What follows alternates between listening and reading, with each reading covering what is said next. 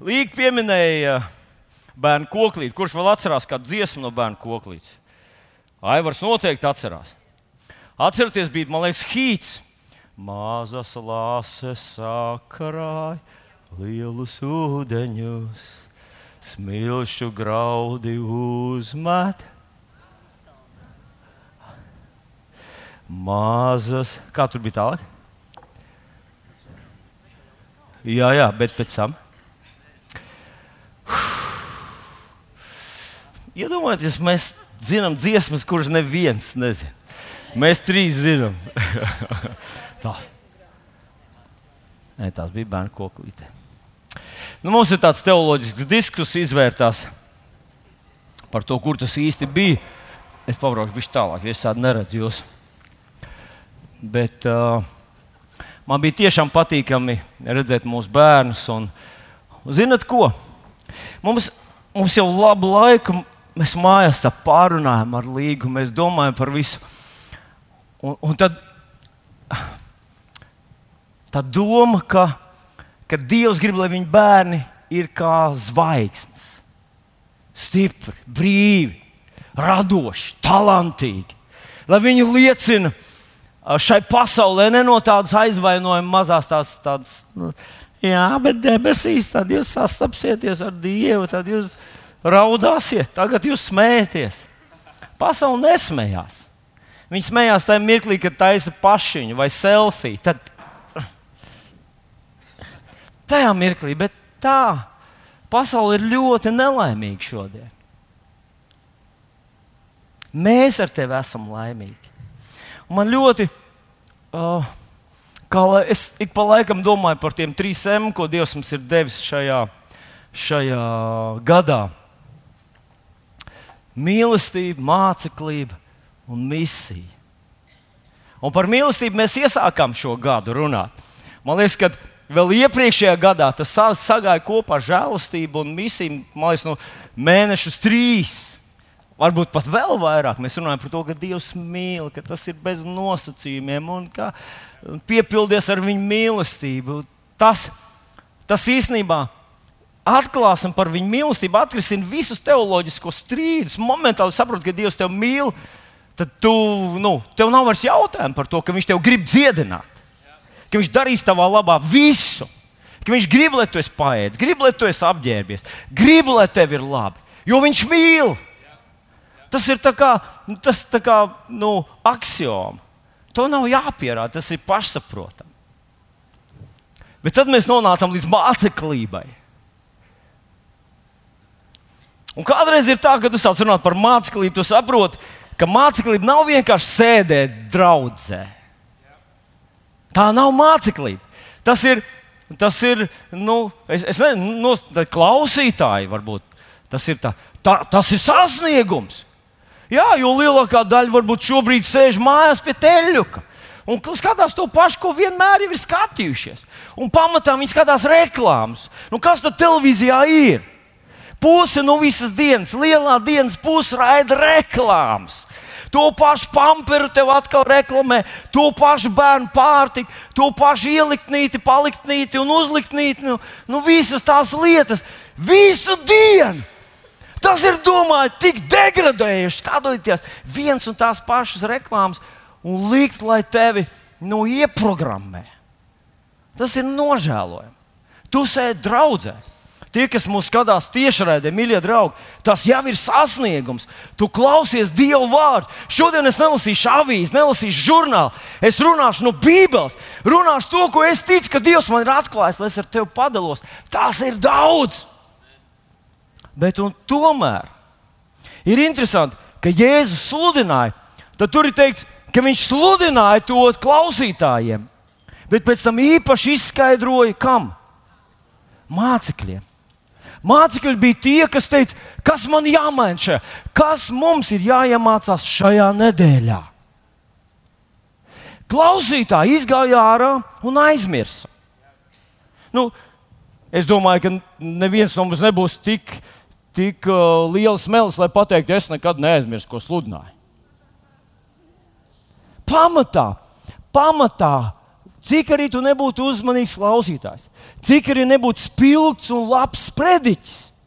Izgājis ārā, tu jau nogāji kafejnīcā, iestājies rindā, tev jau aizmirsās, vai ne? Rinda gāra. Kas tur ir? Kur, kur, kurš tur lien bez rindas mācītājs atkal? Nu, jā. nu, aizmirsies jau ir viss. Kur nu vēl pēc tam nākamajā dienā tev sākās problēmas? Tev jārisina pasaules visas tās, tās ar Brexit, ko darīsim, vai ne? Tu, tu esi lietas kursā par Brexit. Kurš ir godīgi pats lietas, kurš ir lietas kursā par Brexit? Malači, malači, un ko jūs izlēmāt? Vai es nezinu, viens cilvēks man teica, vai es nezinu, tas Brexits, kas tagad tur būs. Tie Brexit, tagad, ja viņi tur bez līguma, tad viņi ar līgumu, tad viņi un tad darīs šitā un tā. Es saku, nomierinies, kā tas tevi ietekmēs. Jā, bet es, ne, es nevaru, tas man ietekmēs. Un ja nu neietekmēs, es visu laiku satraucos par to, ka tik kaut kas noticis nav pasaulē, ko es nezinu. Zin, vai jūs zināt, ka ir cilvēki, kas ik pēc pusstundas skatās ziņas internetā. Kas ir noticis? Ko tur Trumps pateica? Ja? Vai, vai es, es tur roku spūstu? Tev pulsa vairs pašam nav, bet tu roku turi uz pulsa kaut kur par lietām, kuras tu nevari ietekmēt, par kurām tu neko nevari izdarīt, kur neviens neinteresē tavas domas. Bet visu tavu dzīvi tu tērē kaut kur tur, lai būtu aizņemts ar to, kas tevi neskar. Skaidrs, ka tu aizmirsti, ko viņš tur runāja. Pa garu runāja. Kurš domā par garu, ka runā? Aha, paldies. Mans iesmāts man teica, ka pa garu runā. Vienīgais godīgais cilvēks visā draudzē. Ah, par Brexit pagāju. Jā, redziet, kā var pārprast. Jā, es jau domāju, ka aizvainojums ar mums tikko bezdibens, bet nē, tomēr nebūs. Slavu Jēzum! Nu, jā, mīļie draugi, es uzskatu, ka klausītājs ir tā tāda ierakuma. Tā ir tāda, nu, tā kā karavīri, kas sēž ierakumos un pabāž galvu, paskatās, ah, vēl viss mierīgi, un tad atkal. Bet māceklis Tas ir cilvēks, kurš izkāpj ārā no ierakumiem. Māceklis ir cilvēks, kuram Dievs var atklāt vairāk. Jo kad Dievs tev atklāja vairāk, līdz ar to vairojas tava atbildība. Jo vairāk tu zini, jo vairāk tu saproti, jo vairāk tev ir dots, jo vairāk no tevis sagaida, jo lielāka ir tava atbildība. Un, zinot, šajā gadā Tas bija kāds trešdienas vakars, vai tas, tas nebija šīs pēdējās, bet iepriekšējā trešdienā. Dievs pēkšņi ierunāja manā sirdī tādu vīziju šim gadam. Tūkstots mācekļu. Tūkstots mācekļu. Un es no sākuma sarāvos, jo, jo es, es domāju, ka doma ir, ka tūkstots cilvēkiem jāatgriežas. Un es ticu, ka mēs piedzīvosim, ka mēs ar tevi vēl piedzīvosim tādu laiku, kad gadu laikā tūkstots cilvēku pieņems Jēzu Kristu par savu kungu un glābēju. Mūsu, mūsu gadījumā tas nozīmē, ka mēs dubultotos.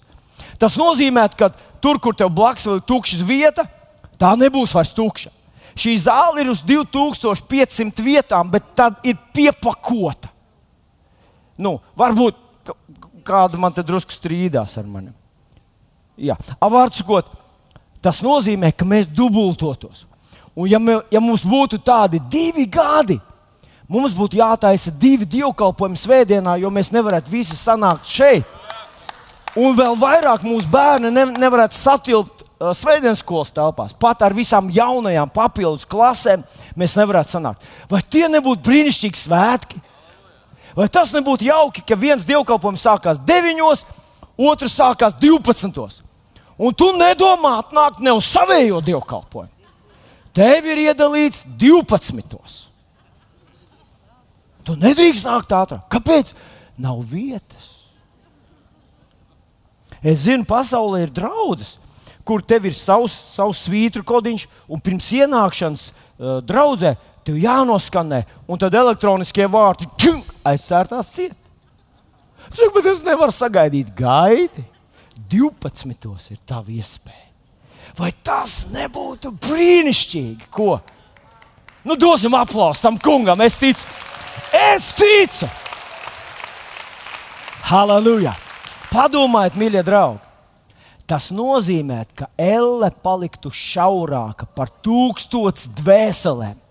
Un, ja mēs vēl padomājam, ka tie, tie tūkstoši pēc tam ar tādu jaunu kristiešu dedzīgumu metās evanģelizēt, tas nozīmē, ka vēl 5000 tiks glābts pēc tam. Un elle paliek mazāka, mazāka. Un debesīs Dievs saka, vai dieniņ, nu, ka vēl tūkstots porcijas sagatavojiet lielajam kāzu galdam.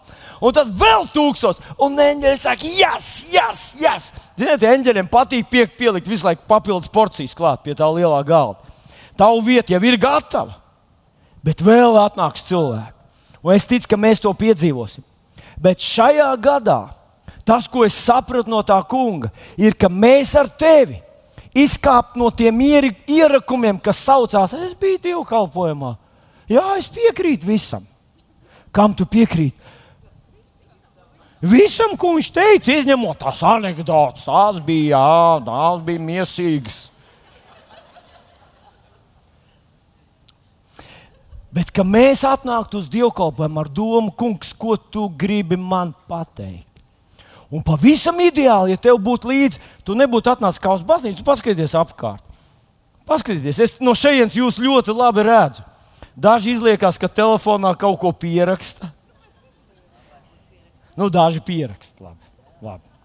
Es vēl esmu no tās iepriekšējās skolas, kad telefons bija izklaide, kad tas nebija nekas nopietns. Bet lielākā daļa no jums esat atnākuši kā uz baznīcu. Jums nekas nav līdzi. Ar gudru ziņu pat maciņu esat atstājuši mašīnā. Tā tam nebūtu jābūt. Es atceros, manā uh, skolā, kad es mācījos, ja kādam nekas nebija līdzi, skolotāji vienmēr teica, nu, ko tu esi atnācis uz baznīcu. Uz baznīcu tu atnāc apsēdies un gaidi beigas. un beigas nāk, beigas tuvojas. Nenovēršam, beigas tuvojas. Bet tad, kad viņas atnāks, vai tev patiks, ka viņas jau ir klāta? Nu, es nerunāju par dievkalpojumu beigām, es runāju vispār tādām tādā lielā mērogā. Tūkstots mācekļu. Es gribētu, lai tu šodien tā nopietni apsver savā prātā.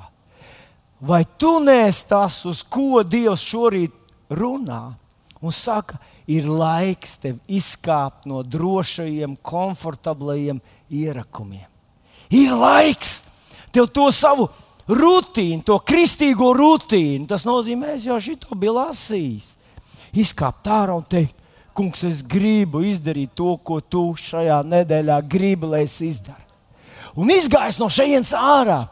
Tu, es, es jums pateikšu, man tas jau ir, nu, es to esmu jau, jau kādu gadu vismaz ar to darbojos.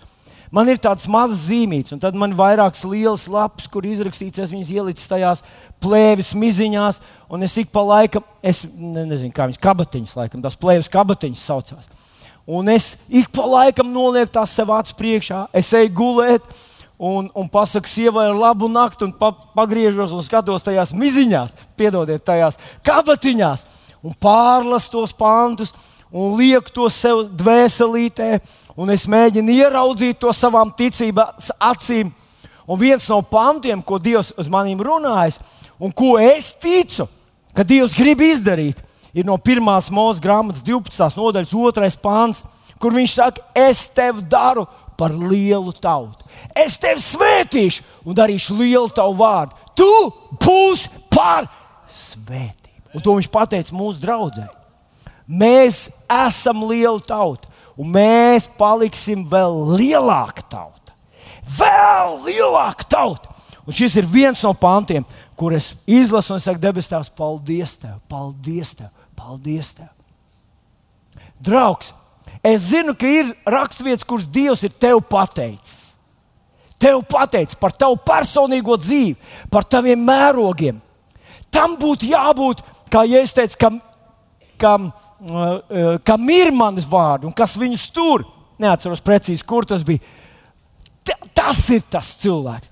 Tie ir tie cilvēki, kas izmanto šos apsolījumus. Tātad tam vārdam ir jābūt pie tevis, tam jābūt dzīvam. Tev jāzina, kur tas ir rakstīts, kādā sakarā tas tev ir dots, un tu tajā dzīvo. Tā tas piepildīsies tavā dzīvē. Bet ir kaut kas, ko Dievs ir teicis par mūsu draugu un par mūsu zemi. Un es ļoti gribētu. Es gribu teikt, ka tavai tautai ļoti vajag vēl vismaz vienu mācekli, kurš paņem šos vārdus un tajos dzīvo. Kurš paņem šos vārdus un neaizmirst tos. Nav vienkārši aizmāršīgs klausītājs, bet ir, kā jau es teicu, darba darītājs. Un dzīvo to. Padomā, lūdzu. Šis ir gads, kad es ticu, ka gada beigās es vēl neesmu izdomājis, kā. Varbūt tev ir labs veids, kā mēs varētu sanumurēt, saskaitīt, kā mēs varētu apzināt, cik ir tādu cilvēku, kas sadzirdēs šo tā kunga aicinājumu, izkāpt no savas komforta zonas, izkāpt no kristīgajiem ierakumiem un iziet cīņā par apsolīto zemi, par dieva apsolījumiem. Un es jau atgādināšu, jā, jā šī būtu tā labā vieta, kur aplaudēt. Pareizi. Aleluja! Slavu Jēzum!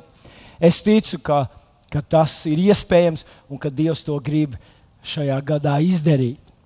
Es gribu atgādināt jums vienu rakstu vietiņu, tā ir no Mateja 10.32, kur Jēzus saka, ik vienu, kas man apliecinās cilvēku priekšā, to arī es apliecināšu savu tēvu priekšā, kas ir debesīs. Nu, Rakstvieta, it kā nu, zinām, tā kā nu, es nezinu, nu, tā kā divreiz divi. Mēs visi esam to lasījuši.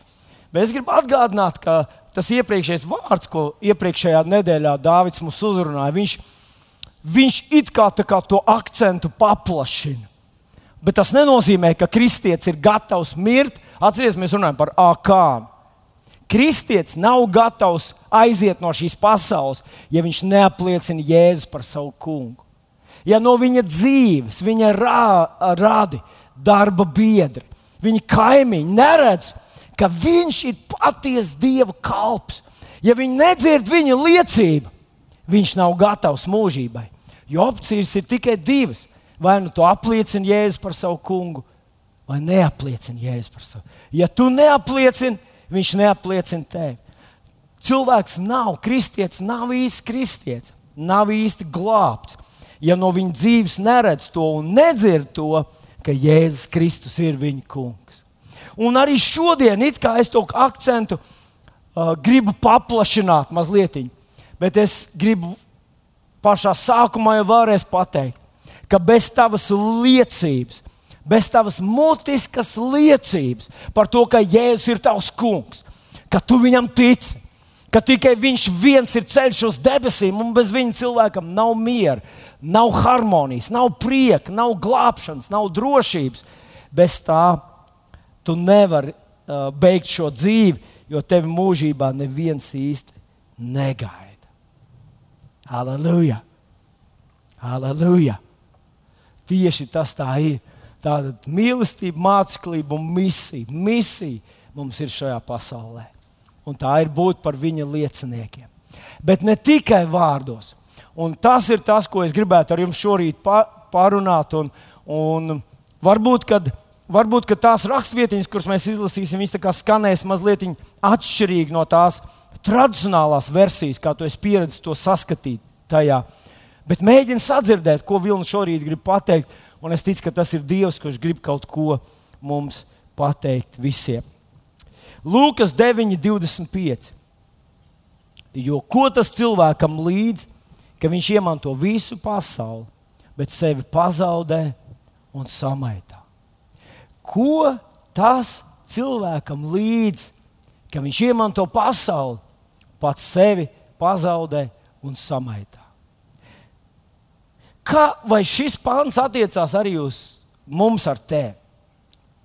Parasti šo pantu lieto tad, kad mēs runājam par kādu slavenību, kādu pasaules atzītu, nopelniem bagātu uh, cilvēku, kurā bērēs ir daudz, daudz izvadītāju ar kroņiem, melnos uzvalkos, ar melnām brillēm, cilvēki, kurus visi atpazīst, viņi stāv tur un izsaka tādus nu, cieņas pilnus vārdus, nožēlu. Un dažreiz liekas, ka tieši tie, ar kuriem aizgājējiem, bija vissliktākās attiecības. Ir tie, kas viskaļāk pauž to savu nožēlu un to, kāds dārgums un vērtība nu, mums ir zudis. Nu, un tad tie, kas nav tur klāt, kristieši saka, nu redz, ko tas cilvēkam līdzēja, ka viņš iemantoja visu pasauli, bet pats sevi pazaudēja. Un reiz es dzirdēju arī tādu vienu bērnu uzrunu, kur viens no nesaukšu vārdā, bet no viens no Latvijā zināmiem māksliniekiem runāja par kādu citu mākslinieku. Un viņš teica, o, nu, šis viņš ir pārcēlies uz to lielo skatu, kur lielais režisors tagad viņu tur iedos viņam lielas lomas un tā tālāk. un es pie sevis domāju, Lūkas 16, 15 rakstīts, to, kas pie cilvēkiem ir augsts, Dieva priekšā ir negantība. es domāju, hei, lielais režisors viņa ceļā ik pa laikam sūtīja kādu, kas viņam pasaka, ka tu spēlē nepareizo lomu. Šis nav tas teātris, tu esi visu sajaucis bet viņš spītīgi turējās pie savas lomas. Un tā nu ir noņemts no dzīves skatuves, un viņam vairs nekāda loma piešķirta netiks. Bet vai tiešām šis pāns attiecās uz neticīgiem cilvēkiem, kas dzīvē ir daudz ko sasnieguši un tādā aizgājuši mūžībā neglābti? Ja mēs paskatāmies nākošo pāntu, tad mēs saprotam, ka tas tā nav. Jo nākošais pāns saka, jo kas kaunās manis, un manu vārdu dēļ, tā paša dēļ kauniesies arī cilvēka dēls. Tad viņš runā par kristiešiem. Viņš runā par cilvēkiem, kas pazīst Dievu. Jo ko tas cilvēkam līdz, ka viņš iemanto pasauli un pats sevi pazaudē un samaitā? Šodien, mīļie draugi, gribētu ar jums padomāt par to, nu, kāpēc runājot par kristiešiem, viņš runā par pasaules iemantošanu. Vai tad nav tā, ka mums, garīgiem cilvēkiem, tie īpaši, kas jau ir kā, varbūt nu, manas paudzes jaunieši, atcerieties, jūs zināt, ka jaunieši nav bijušo jauniešu, vai ne? Ja tu esi vienreiz bijis jaunietis, tad esi jaunietis tikai citas paudzes jaunietis. Un manas paudzes jaunieši jau varbūt ir pirmā tā paudze, kas saka, nu kādu tur pasauli, mums neko nevajag no tās pasaules. Pareizi. Mēs negribam nekādu pasauli. Priekš kā mums pasaule? Tā ir. Kurš domā, ka viņam nevajag nekādu pasauli? Es esmu viens. Ko tas cilvēkam līdz, ka viņš iemanto pasauli un pats sevi pazaudē un samaitā? Ziniet, es piekrītu jums, draugi, ka Dievs radīja cilvēku, viņš radīja viņu ar tādām lielām ambīcijām, ar lielu vēlmi un alkām iekarot un valdīt pār pasauli. Nu, atcerieties, pirmajā mūža grāmatā mēs lasām, ja nemaldos, ir otrā nodaļa, kur viņš svētī cilvēkus, un viņš saka, augļojieties un vairojieties. Nu, to mēs zinām, par ko viņš runā. Bet tad viņš saka, piepildiet zemi, pakļaujiet sev to, valdiet par to. Es uzdrošinos apgalvot, ka tad, kad Dievs radīja cilvēku, un cilvēks vēl nebija kritis grēkā, Dievs jau viņā bija ielicis šo vēlmi raudzīties uz pasauli un valdīt par to, iekarot viņu, paņemt pasauli. Un zinot, kas mūs padara par cilvēkiem, vai piedodiet, par kristiešiem, un šeit es gribu lietot pēdiņas, pārpratā, pārprat, mm, pārprastā izpratnē kristiešiem. Pāris reizes, kad mēs dabūjam pa degunu, tad mums ir tā sajūta, ka nu, tur nav ko līst. Tā ir sveša teritorija, tā pasaule, tā ir viņiem. Mums ir drošāk šeit. Mums ir drošāk, uzbūvēsim savu baznīcu, sanāksim kopā Un te mēs visi esam drošībā, te mēs mīlam viens otru, piedodam viens otru. Dievs mūs nevērtē pēc mūsu rādītājiem un sasniegumiem. Dievam mēs visi esam bērni. Tā taču ir. Un tas ir pareizi. Un tas ir pareizi. Mums vajag kādai vietai būt, kur mēs atnākam atpūsties, uzpildīties, kur mēs svinam savu dievu bērnību, svinam to, ka mūsu mūžība nav šeit. Tā nebeigsies ar kapu kopiņu un nebeigsies ar kartonu kārbu, ka mēs dzīvosim mūžīgi. Iebiks tam, kurš sēž tev blakus, saka, mēs dzīvosim mūžīgi.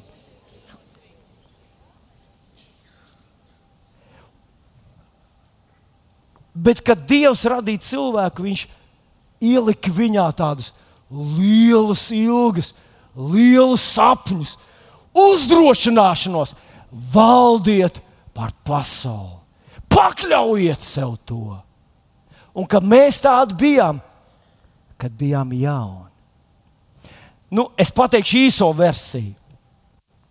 Vidusmēra kristietis kad ir izaugs, sasniedzis kaut kādu tādu briedumu, pāris reizes dabūjis pa degunu, kā es saku, tad viņš māca saviem bērniem tā. Nē, mežā, man mazā sarkana galvīte. Mežā ir ļaunais un uh, vilks. Jā. Viņš tev var uzbrukt. Un tu esi tāda maza, ne, neva, nevainīga un neaizsargāta sarkana galvīte, ka tev var nodarīt pāri. Tāpēc paliec tajās drošajās robežās. Bet Dievs, kad radīja cilvēku, tad viņš Viņš radīja viņu, ej mežā un sadod tam vilkam pa pēcpusdienu. Vai jā, jūs taču zinat, ka vilks uzbrūk tikai kādās īpašās tādās situācijās, kad viņš sajūt, nu, es, es neesmu, man nav uzbrucis nekad vilks, bet uh, kad viņš sajūt kaut kādu tādu savu pārsvaru, savu drošību. Vidusmēra vilks sajūt cilvēku bēg. Un paklausieties, Lūkas evanģēlijā 10. nodaļa, 19. pāns. Jēzus saka šādus vārdus, nu, kāda apmēram 3000 gadu pēc tam, kad Dievs bija teicis, pakļaujiet zemi, piepildiet to, paņemiet to. Jēzus saka, redziet, es esmu jums devis spēku, ka varat staigāt pāri čūskām un skorpioniem. Un tālāk viņš saka, un katram ienaidniekam spēkam. Un tas viss jums nieka nekaitēs. Padomā, viņš nesaka, neiet mežā, vai dienā tā pasaule ir tik viltīga, tik dusmīga. Pasaule, neiet tur. Bet mēs zinām, ka visos mūsos, un īpaši jaunībā, mūsos ir tā vilkme. Mēs gribam iekarot pasauli. Mēs gribam to pakļaut. Mēs gribam to izmainīt. Mēs gribam pasauli.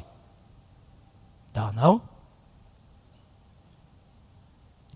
Un tāpēc, tāpēc ik pa laikam mēs dzirdam tādus stāstus, ka piedzima kāds bērns kādā fermā. Nu, pamatā to dzird pa amerikāņu, jo amerikāņi tā droši stāsta savu dzīvi. Mēs visu turam noslēpumā, un 5 minūtes pirms nāves mēs izstāstām, kā es īstenībā vienmēr jutos. Tas tāds īsts latviešu modelis bet amerikāņi stāsta uzreiz.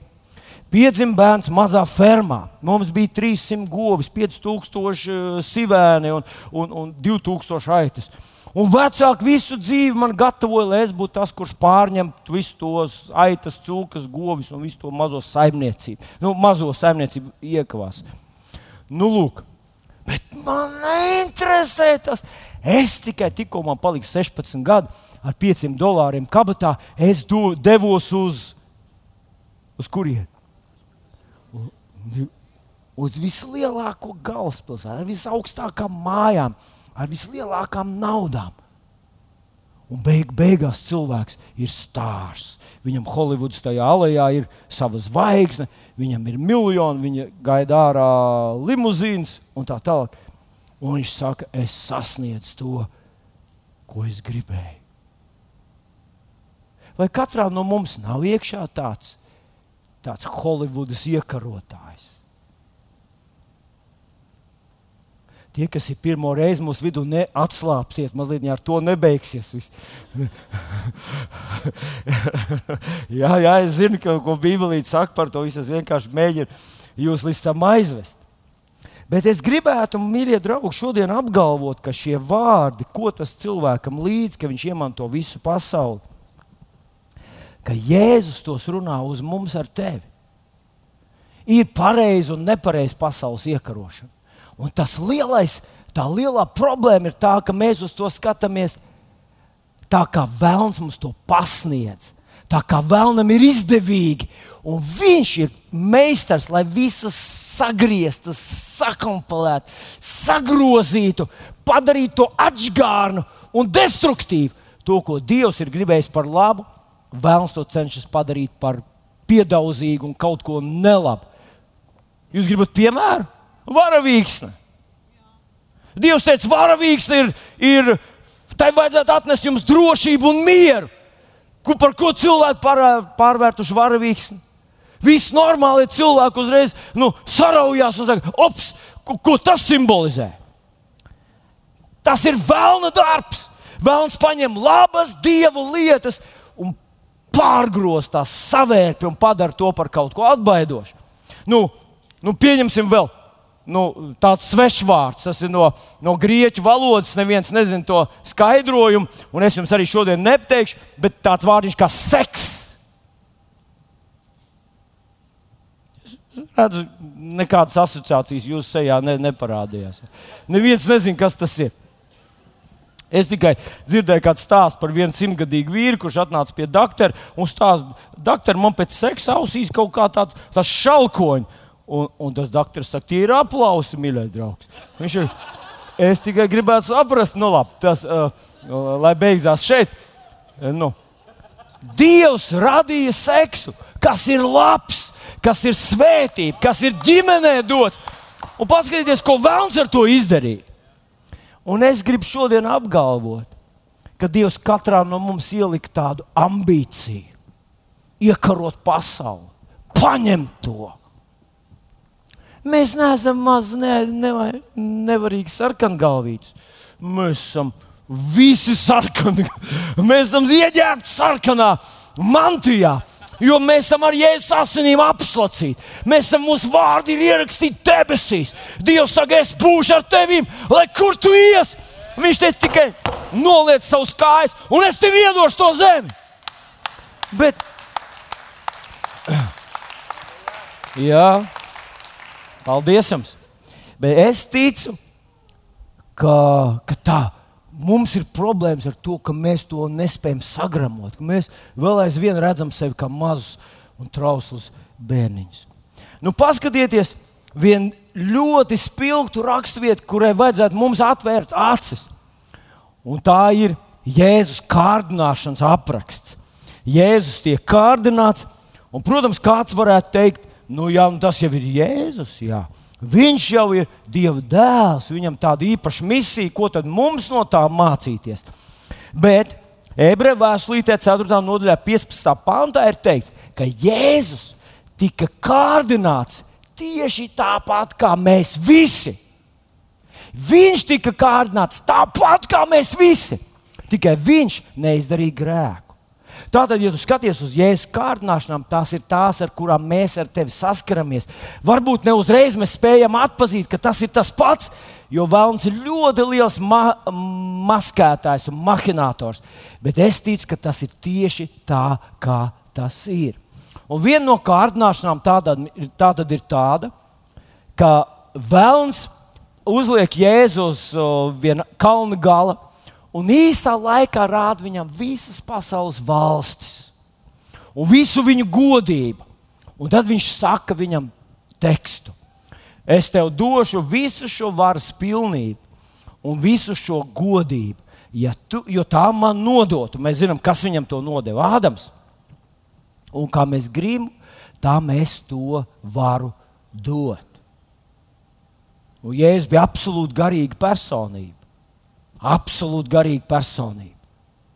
Un šī ir kārdināšana, nosaukt par kārdināšanu, jo savādāk tā nebūtu uzrakstīta. Tagad, kā jūs domājat, vai Jēzu bija šī vilkme, šī vēlme, šī gribēšana, šī ambīcija ietekmēt šo pasauli? Vai viņā bija? Jā, noteikti viņam bija. Citādi tā nebūtu kārdināšana. Jūs zināt, es mēģināšu tādu ilustrāciju no, no, no savas pieredzes, un es ceru, ka kādam, vismaz kādam, nu, būs līdzīgas asociācijas. vienreiz savā dzīvē, kādreiz es domāju, ka tas ir ļoti jauki būt makšķerniekam.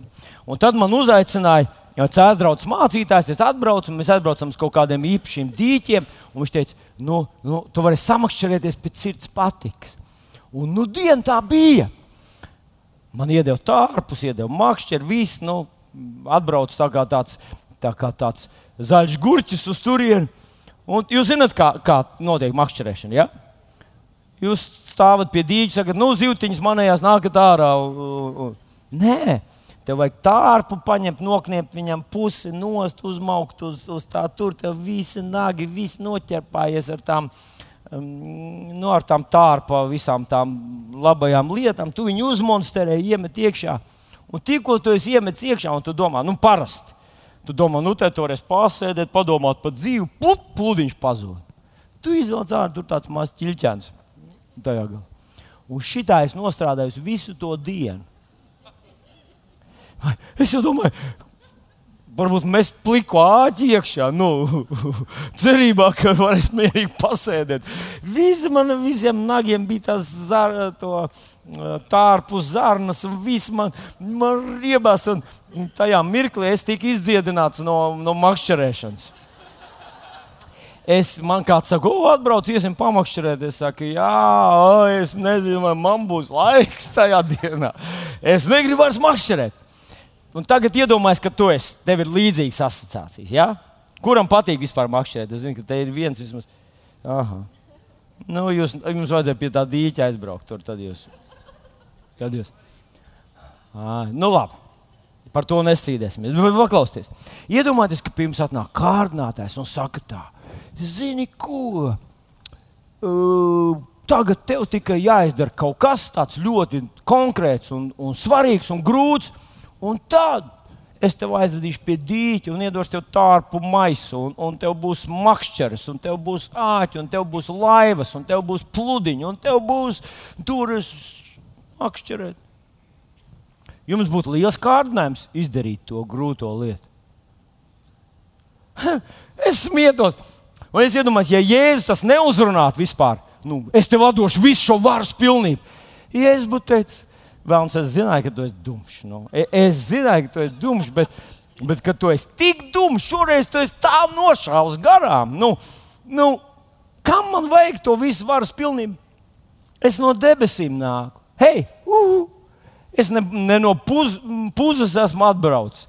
Es atbraucu no debesīm. Tur mums uz ielas ir zelta ielas, mums vārti ir no pērles uztaisīti. Tur ir dieva godība. Ko tu man piedāvā? Ko tu man piedāvā to no, no, no koka krēsla, kur tur sēž tur tas uh, Cēzars vai, vai, vai kā viņi tur sauc? Man, man tā viss pasaules godība tā kā zaķim bremžgaismas. Nu, tu nevari pārdot zaķim bremžgaismas. Nu, jūs nevarat, viņam nevajag viņas. Jūs saprotat, ka tas bija īsts kārdinājums. Un tas nozīmē, mīļie draugi, ja tas atsaucās Jēzus sirdī, ka tam vajadzētu atsaukties tavā sirdī. Un ja tu izsvītro no savas dzīves tās reizes, kad tu dabūji pa degunu, ka tev nesanāca, ka tevi tā, tā nežēlīgi kaut kur pazemoja un iznesa cauri. Vai nav tā, ka arī tev ir tā vēlme to pasauli, pasauli ietekmēt? Tu negribi atrast vienu mazu pļaviņu meža vidū, kur neviens svešinieks nenāk, un tad visu dzīvi tur pavadīt drošībā, mierā un pilnu vēdu ar kāpostiem. Nē, Nē tu gribi. Tu gribi izaicinājumus, tu gribi tās grūtības, tu gribi liels mērķus, tu gribi liels mērogs. Un zini ko? To nav vēlns tev ielicis. Dievs to ir ielicis tevī. Pašā sākumā viņš jau teica, pakļauj zem, valdi pār to. Es tevi sūtu. Tu esi no debesīm nācis. Halleluja! Neļaut vēlnam to sabojāt, neļaut viņam to uh, padarīt, sagrozīt un padarīt destruktīvu. Bet vēlams zināja to, ka Jēzus šī vēlme ir šīs ilgas, šī gribēšana, šīs slāpes ietekmēt pasauli tik spēcīgs. Tā bija viena ļoti varena kārdināšana. Jēzus to, protams, uzvarēja. Vēl gribu parādīt jums vienu rakstu vietiņu no Lūkas evanģelija 15. nodaļas, kur, manuprāt, ir spilgts piemērs, kā vēlnam izdodas piemānīt tādus spilgtus, stiprus cilvēkus, kuros ir šī vēlme šo pasauli izmainīt un ietekmēt. Protams, Dieva interesēs. Un, ja tev ir tā bībelīte līdzi, atver lūdzu to vaļā Lūkas evanģelijā 15. nodaļā no 11. panta Es izlasīšu uz priekšu līdz 19. un tad tur vēl maza atsaucīta būs uh, drusku vēl tālāk. Bet to es vienkārši nolasīšu. Tātad es lasu Lūkas evanģelijas 15. nodaļu no 11. panta. Un viņš sacīja, kādam tēvam bija divi dēli. Un jaunākais sacīja tēvam, tēvs dod man piekrītošo mantas daļu. Tad viņš starp tiem sadalīja mantu. Un pēc dažām dienām saņēmis visu jaunākais dēls aizgāja uz tālu zemi un tur izšķieda savu mantu, palaidnīgi dzīvodams. Kad nu viņš visu bija izšķērdējis, tai zemē izcēlās liels bats, un viņam sāka pietrūkt. Tad viņš nogāja un piemetās pie kāda tās zemes pilsoņa. Tas to sūtīja savā tīrumā cūkas ganīt. Un viņš būtu bijis priecīgs dabūt sēnels, ko cūka sēž, lai ar tām pildītu savu vēdru, bet neviens viņam tās nedeva. Tad viņš pie atziņas nācis sacīja: Cik algāģi nav manam tēvam, kuriem maizes pa pilnam, kamēr es te mirstu badā. Es celšos un iešu pie sava tēva un sacīšu, Tēvs, es esmu grēkojis pret debesīm un pret tevi. Es vairs neesmu cienīgs, ka mani sauc par tavu dēlu. Pieņem mani par vienu no saviem algāčiem. Es jums pastāstīšu, kā es ieraudzīju šo stāstu. Šis dēls jaunākais dēls, un kā mēs vēlāk uzzinām, arī vecākais dēls, uzauga tēva mājā. Tēva mājā, kurā ir, bija nodrošinājums visam, kurā bija uh, maizīte, kurā bija uh, miers, kurā bija identitāte, kurā viss bija tas, kas šim jaunajam cilvēkam bija vajadzīgs. Bet viņām bija kaut kādas slāpes pēc, pēc kaut kā lielāka un vairāk, pēc izaicinājumiem. Un viņš katru viņam bija iespēja, viņš skatījās pa logu un skatījās tālumā. Viņš skatījās uz visām tām lielajām pilsētām, uz tiem kalniem. Cilvēku nozīmē kalni. Viņš skatījās uz tām lielām naudas uh, apmēriem, uz slavenībām, uz tiem, kas tur gozējās slavas un varas gaiteņos. Cilvēki, mm, kurus respektēja un kurus vērtēja, viņš raudzījās uz to visu un kaut kas viņā modās un sauca viņu tālu prom šajā nezināmajā un bīstamajā pasaulē. Un tas, protams, nav te uzrakstīts, bet es pateikšu, kas parasti notiek vidusmēra kristīgās mājās. Ka vecāki saka, tev to nevajag, tas nav priekš tevis.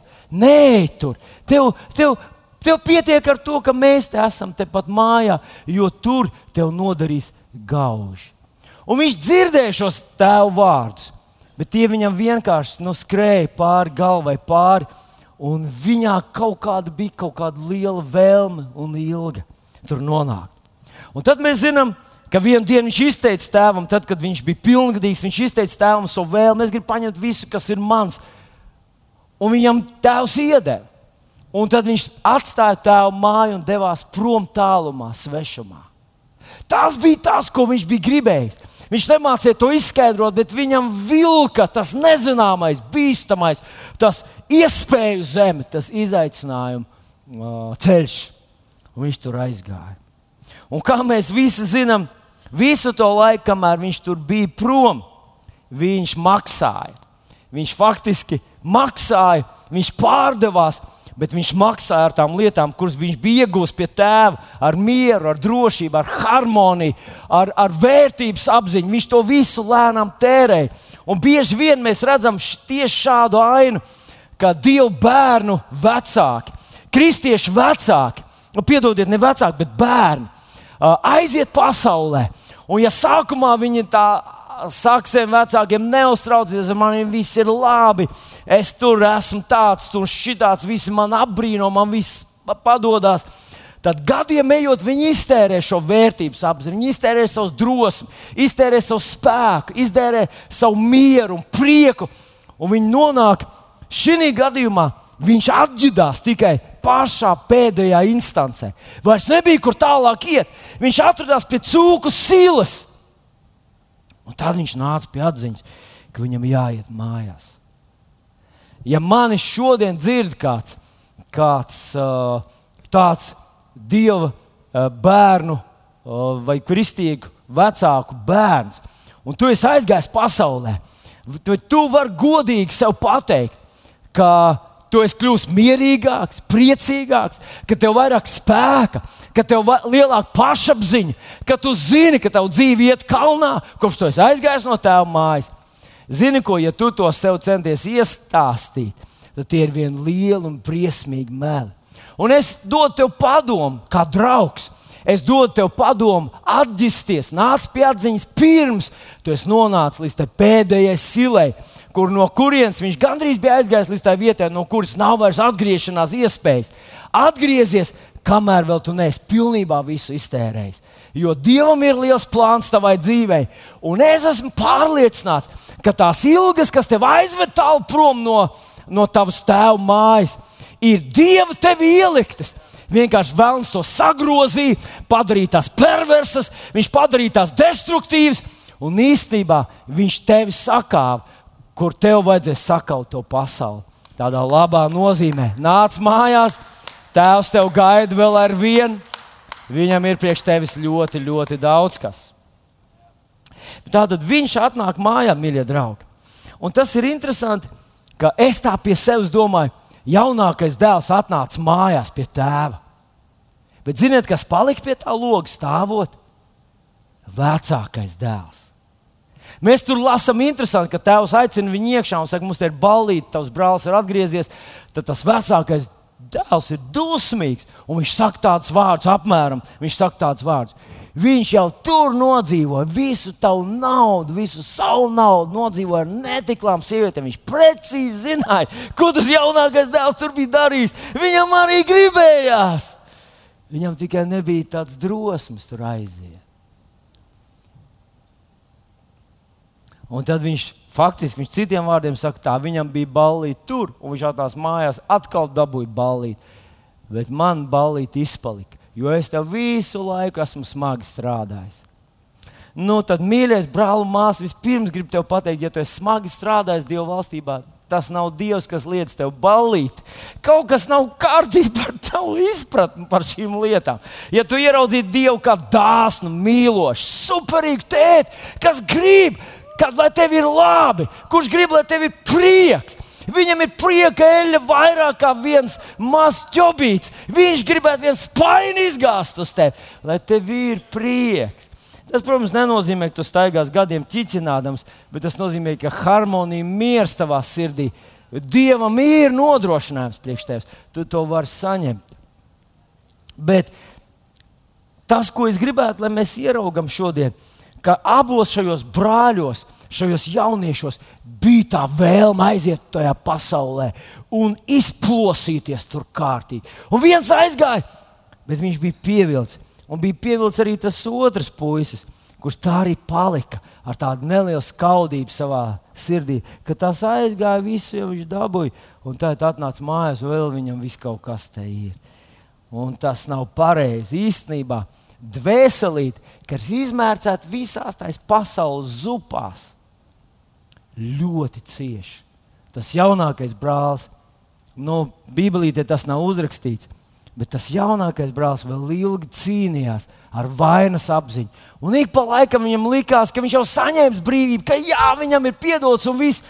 Un ik pēc laika atkal nācās vecās vēsmas atpakaļ un atgādināja viņam, tu aizgāji, tu iztērēji, tu notrieci, tu pazaudēji.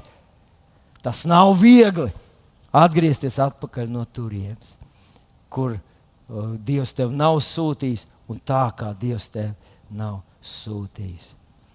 Mīļie draugi, Dievs mūsos ielika šo lielo ambīciju, aiziet šajā pasaulē, ietekmēt to, ietekmēt to, mainīt to, izglābt Jā, viņš teica, 1. Jāņa uh, vēstulē, 2. nodaļā, 15. pāns, paklausieties, kā viņš skan. 1. Jāņa vēstule, uh, 2. nodaļa, 15. pāns, skan tā jocīgi.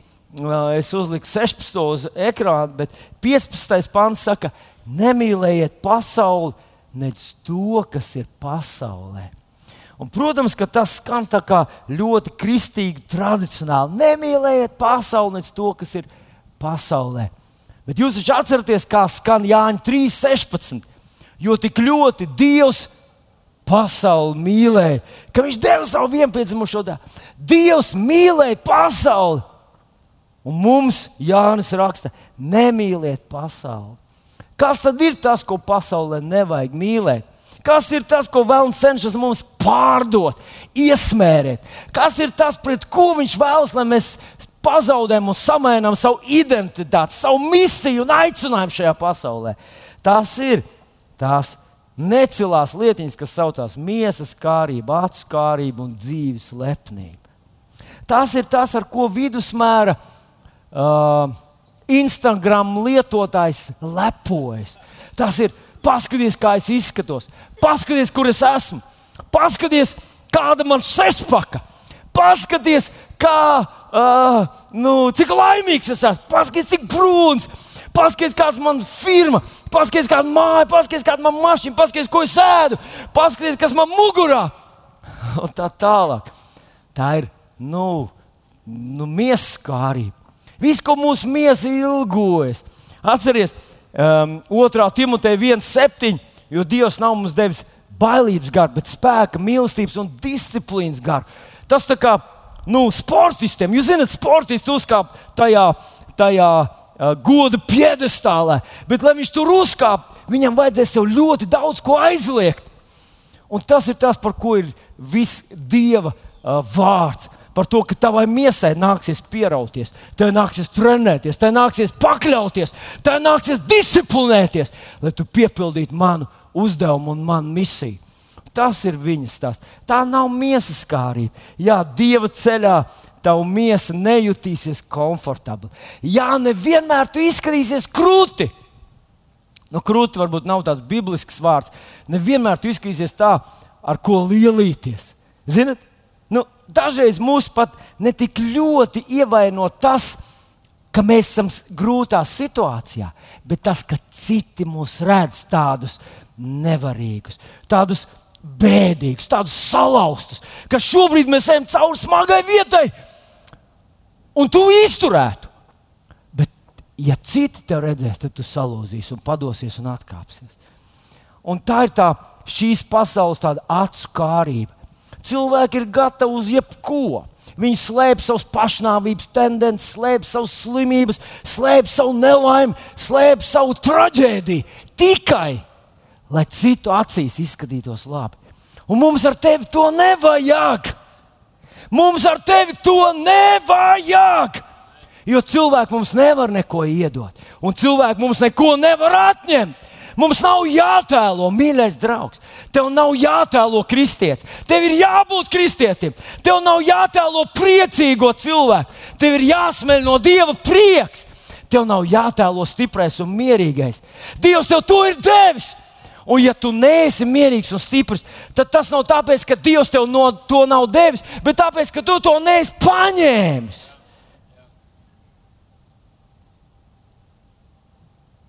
Bet vēlams piedāvā vienkārši izskaties cool, izskaties krūti. Un, un, un tas, kā ir realitātē, nav svarīgi.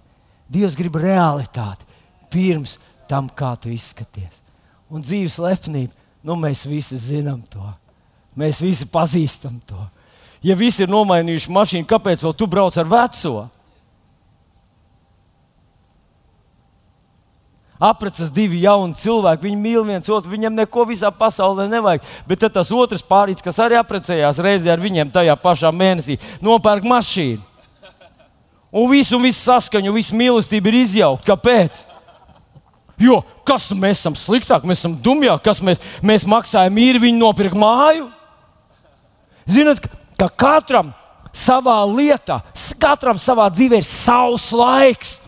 Iespējams, ka tu esi dimants, un tu kļūsi par dimantu pēc 5000 gadiem, bet viņš ir kartupēlis. Viņš par diviem mēnešiem ir gatavs jau. Nerēķini sevi pēc citiem, nevērtē sevi pēc citiem. Dievam tev ir tavs laiks. Un tāpēc vienkārši. Vienkārši darīt kaut ko, ko dara citi, ir dumjākais, ko tu vari šajā dzīvē darīt. Tu taču neskrien uz mazmaiņu, tāpēc ka visi skrien tur. Tev ir tavs laiks, tavs signāls, tu zini savu stundu, un tu to nepalaidīsi garām, ja tu uzticies un kalpo tam kungam. Halleluja! Mīļais draugs, mīli pasauli! Bet ne tā, kā vēlams tev iesaka to mīlēt. Mīli to tā, kā Dievs to mīl. Un, zinot, ir viens ļoti konkrēts un spilgts zāles pret to, lai tu šajā pasaulē uh, paliktu tajā ceļā, un tajā kondīcijā, un tajā stāvoklī, kādā Dievs grib, lai tu to dari. Un mēs to redzam no Jēzus atbildes, kur Jēzus atbild Sātanam, kur viņš viņam saka, es tev došu visu šo varas pilnību. Tev vajadzēja atcerēties, ko Abrahams teica. Neviens neteiks, ka viņš mani padarīs bagātu. Tas ir viņš, Jahve, mani padarīs bagātu. Un viņš atraidīja visas divdomīgas pozīcijas, divdomīgas iespējas, kaut kādus īsos, grēcīgos, kreisos ceļus. Viņš tos visus atraidīja. Jo, bet ne tikai atraidīja. Tas ir tas, ko šādi kristieši dara. Viņi atraida visu, atraida, atraida, atraida, atraida. Bet viņš zināja, ka viņa dievs no pirmā laika 29, 12, kā Dārvids saka, tava roka, no tevis nāk bagātība un gods. Par šo par šo rindiņu es esmu domājis. Un zinot, ko? Un bagātība un gods nāk no tevis. Pirmā laika 29, 12. Dāvids. Un bagātība un gods nāk no tevis. Un es par to domāju, domāju par šo rindiņu, par visu šo pantiņu. Un vienā dienā pēkšņi man tas uzrunāja. Ziniet, kā? Paklausieties, un bagātība un gods nāk. Es saku, kungs, ko tu ar to gribi pateikt? Un bagātība un gods nāk vai tu to man? Un bagātība un gods nāk no tevis. Tas bija tas, ko Abrahams zināja. Un tas ir tas, ko tev kā Dieva bērnam ir jāzina. Tev nav, tu neesi radīts, lai atrastu mazu skudru pūznīti un tad kļūtu par skudru pūžņu uh, pavēlnieku. Tu esi sūtīts pasaulē! Pasaulē tevi vajag. Bet, ja vien tu pielūgs Dievu un viņam kalposi, ja tu pielūgs Dievu un viņam kalpos. Jēzus teica, neviens nevar kalpot diviem kungiem. Ja tu kalpos Dievam, tu nekalpos naudai. Nauda kalpos tev. Nauda klausīs tavam pavēlēm, kad tu teiksi, ja tu kalpo naudai, ja tu dari visu to, ko tu dari tikai tāpēc, lai nopelnītu, ir noticis otrādi. Nauda pavēl tev, un ja nauda tev pavēl, tu kalpos viņai un tu, tu ne, neizrīkos viņu. Dievs grib, lai ir otrādi. Pielūdz Dievu to kungu, un viņam vien kalpo. Ja tu pielūdz to kungu, tas būs redzams. Mīļais draugs, cilvēkiem nepatiks. Būs cilvēki, kas, kas, kas zobs sāpes izdzirdēs, kad tu sāksi runāt par Jēzu. Kaut ko tur intervijā, avīzē, vai televīzijā, vai kaut kur. Varbūt to rediģēs un izgriezīs ārā, bet tā nav tava atbildība. Mīļais draugs, ja tu redzēs sevi kā cilvēku, kurš sūtīts šai pasaulē, lai to ietekmētu. Tu esi par lielu īstenībā šai pasaulē, tu esi no debesīm, nāc viss, kas dzimis no Dieva, uzvar pasauli. Ja tu tā redzēsi nekaunēsies no viņa, bet redzēsi sevi kā cilvēku, kura bagātība un gods, kā viņš nobeidz šo pantu, tava roka paaugstina un dara stipru.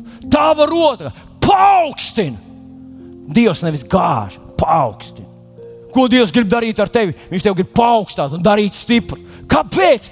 Tāpēc, ka Viņš tev ir sūtījis šajā pasaulē, šo pasauli tu ietekmētu. Lai tu to ietekmētu. Nevis lai pasaule ietekmē tevi, bet lai tu ietekmē šo pasauli. Un viņš teica, kalpot Dievam. Atcerieties, Jānis 3.16 sākās Dievs tik ļoti mīlēja pasauli, ka viņš deva savu vienpiedzimušo dēlu, lai neviens, kas viņam tic, nepazūst, bet dabūtu mūžīgo dzīvību. Jo Dievs savu dēlu nav sūtījis pasaulē, lai viņš pasauli tiesātu, bet lai pasaules ar viņu tiktu glābta.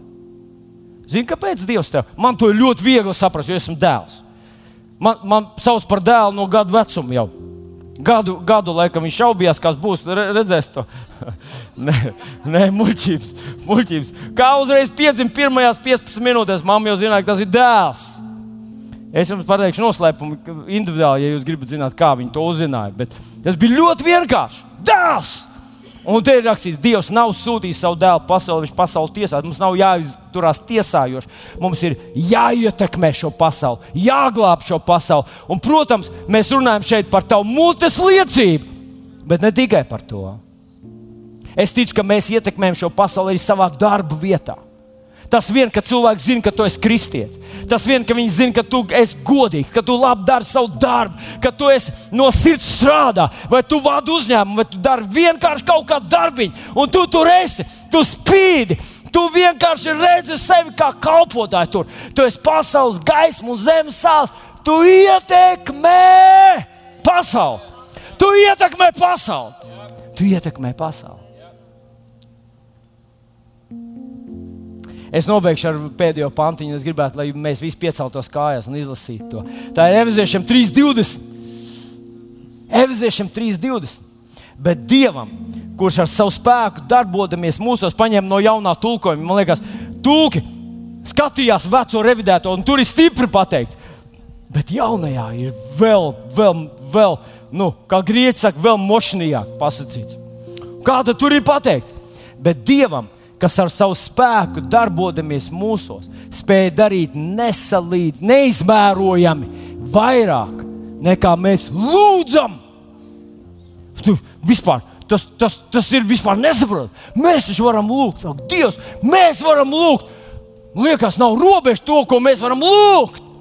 Bet viņš tiek neizmērojami vairāk, ko mēs lūdzam vai nojaušam. Es ar to gribu teikt, ka reizēs, kad mēs vispār nenojaušam, ka no mums kaut kas, no, mums kaut kas notiek, ka mēs kādu ietekmējam, ka mēs ietekmējam. Ka mēs ietekmējam, es, ne, es nemaz nepārspīlēju. Es nepārspīlēju, un Dieva vārds nepārspīlē. Katru reizi, kad tu aizies savā darbvietā, un tu neej tur vienkārši tāpēc, ka tev jāstrādā, tev kaut kas jāēd un tā tālāk, bet tu ej tur kā kalpotājs, tu ej tur kā Dieva sūtnis, tu ej tur kā Dieva debesu vēstnieks savā darba vietā. Mīļais draugs, tu ietekmē! Ak, kaut man būtu drusku vairāk laika. Es kaut kādā pulkstenis kliedzu, viņi grib mājās, viņi grib mājās, viņi grib mājās. Bet man vēl gribētos pateikt, ka viens godīgs automehāniķis, kurš no sirds dara savu darbu, kurš varbūt netīrām rokām zem mašīnas skrūvē, bet saprot, ka viņš to dara dievam par godu. Gluži kā iepriekšējā svētdienā Dārvids runāja, ka tu to dari, tu to dari dievam par godu tas ietekmē visu nāciju. Un iedomājieties, ja, ja valstī ir tūkstoši, desmit tūkstoši tādu dievu bērnu, kas nebaidās pastāstīt par savu kungu un glābēju, un tad aiziet savā darba vietā, vai ir ierēģi, vai politiķi, vai parlamentā, vai autoservisā, vai uz ielas, vai sētnieki, vai pārdevēji, vai kasieri, vienalga, kur viņi arī nebūtu. Ja viņi tur atrodas un saka, Dievs, es to daru tev par godu, es šeit pagodinu tavu vārdu. Es esmu pārliecināts, mīļie draugi, ka tas ietekmē atmosfēru, tas ietekmē zemi, tas veicina atmodu.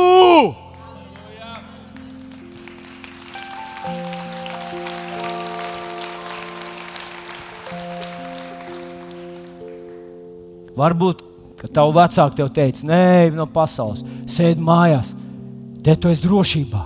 Dievs saka, es tevi esmu radījis šai pasaulē aizies sadotam vilkam pa pakaļ. Sen neviens no maniem bērniem tur nav bijis, un tu to vari izdarīt. Par vilku es domāju, tie ir visi tie šķēršļi, kas stāv tev, tavā ceļā. No kuriem tu varbūt esi baidījies gadu desmitus jau. Varbūt jau gadu desmitus tu esi baidījies, tev nekas nav sanācis. Tu esi gribējis. Un tagad tu esi nonācis pie tās teoloģijas, kas saka, sēdi mājās, tur ir droši. Neko nedara, tad tu būsi veiksmīgs tas nav tas, kam Dievs tevi radījis.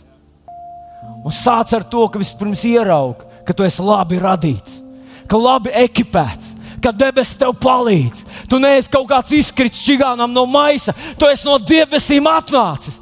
Tu esi pilnvērtīgs cilvēks šajā pasaulē lai glābtu to, lai tu ietekmētu šo pasauli, ietekmētu procesu, notikumus, ietekmētu savu nāciju, ietekmētu savu valsti, ietekmētu savu pilsētu, ietekmētu savus rādus. Tas sākās ar to, ka tu tam notici, un tad atraisi Dieva spēku savai dzīvei. Jēzus vārdā.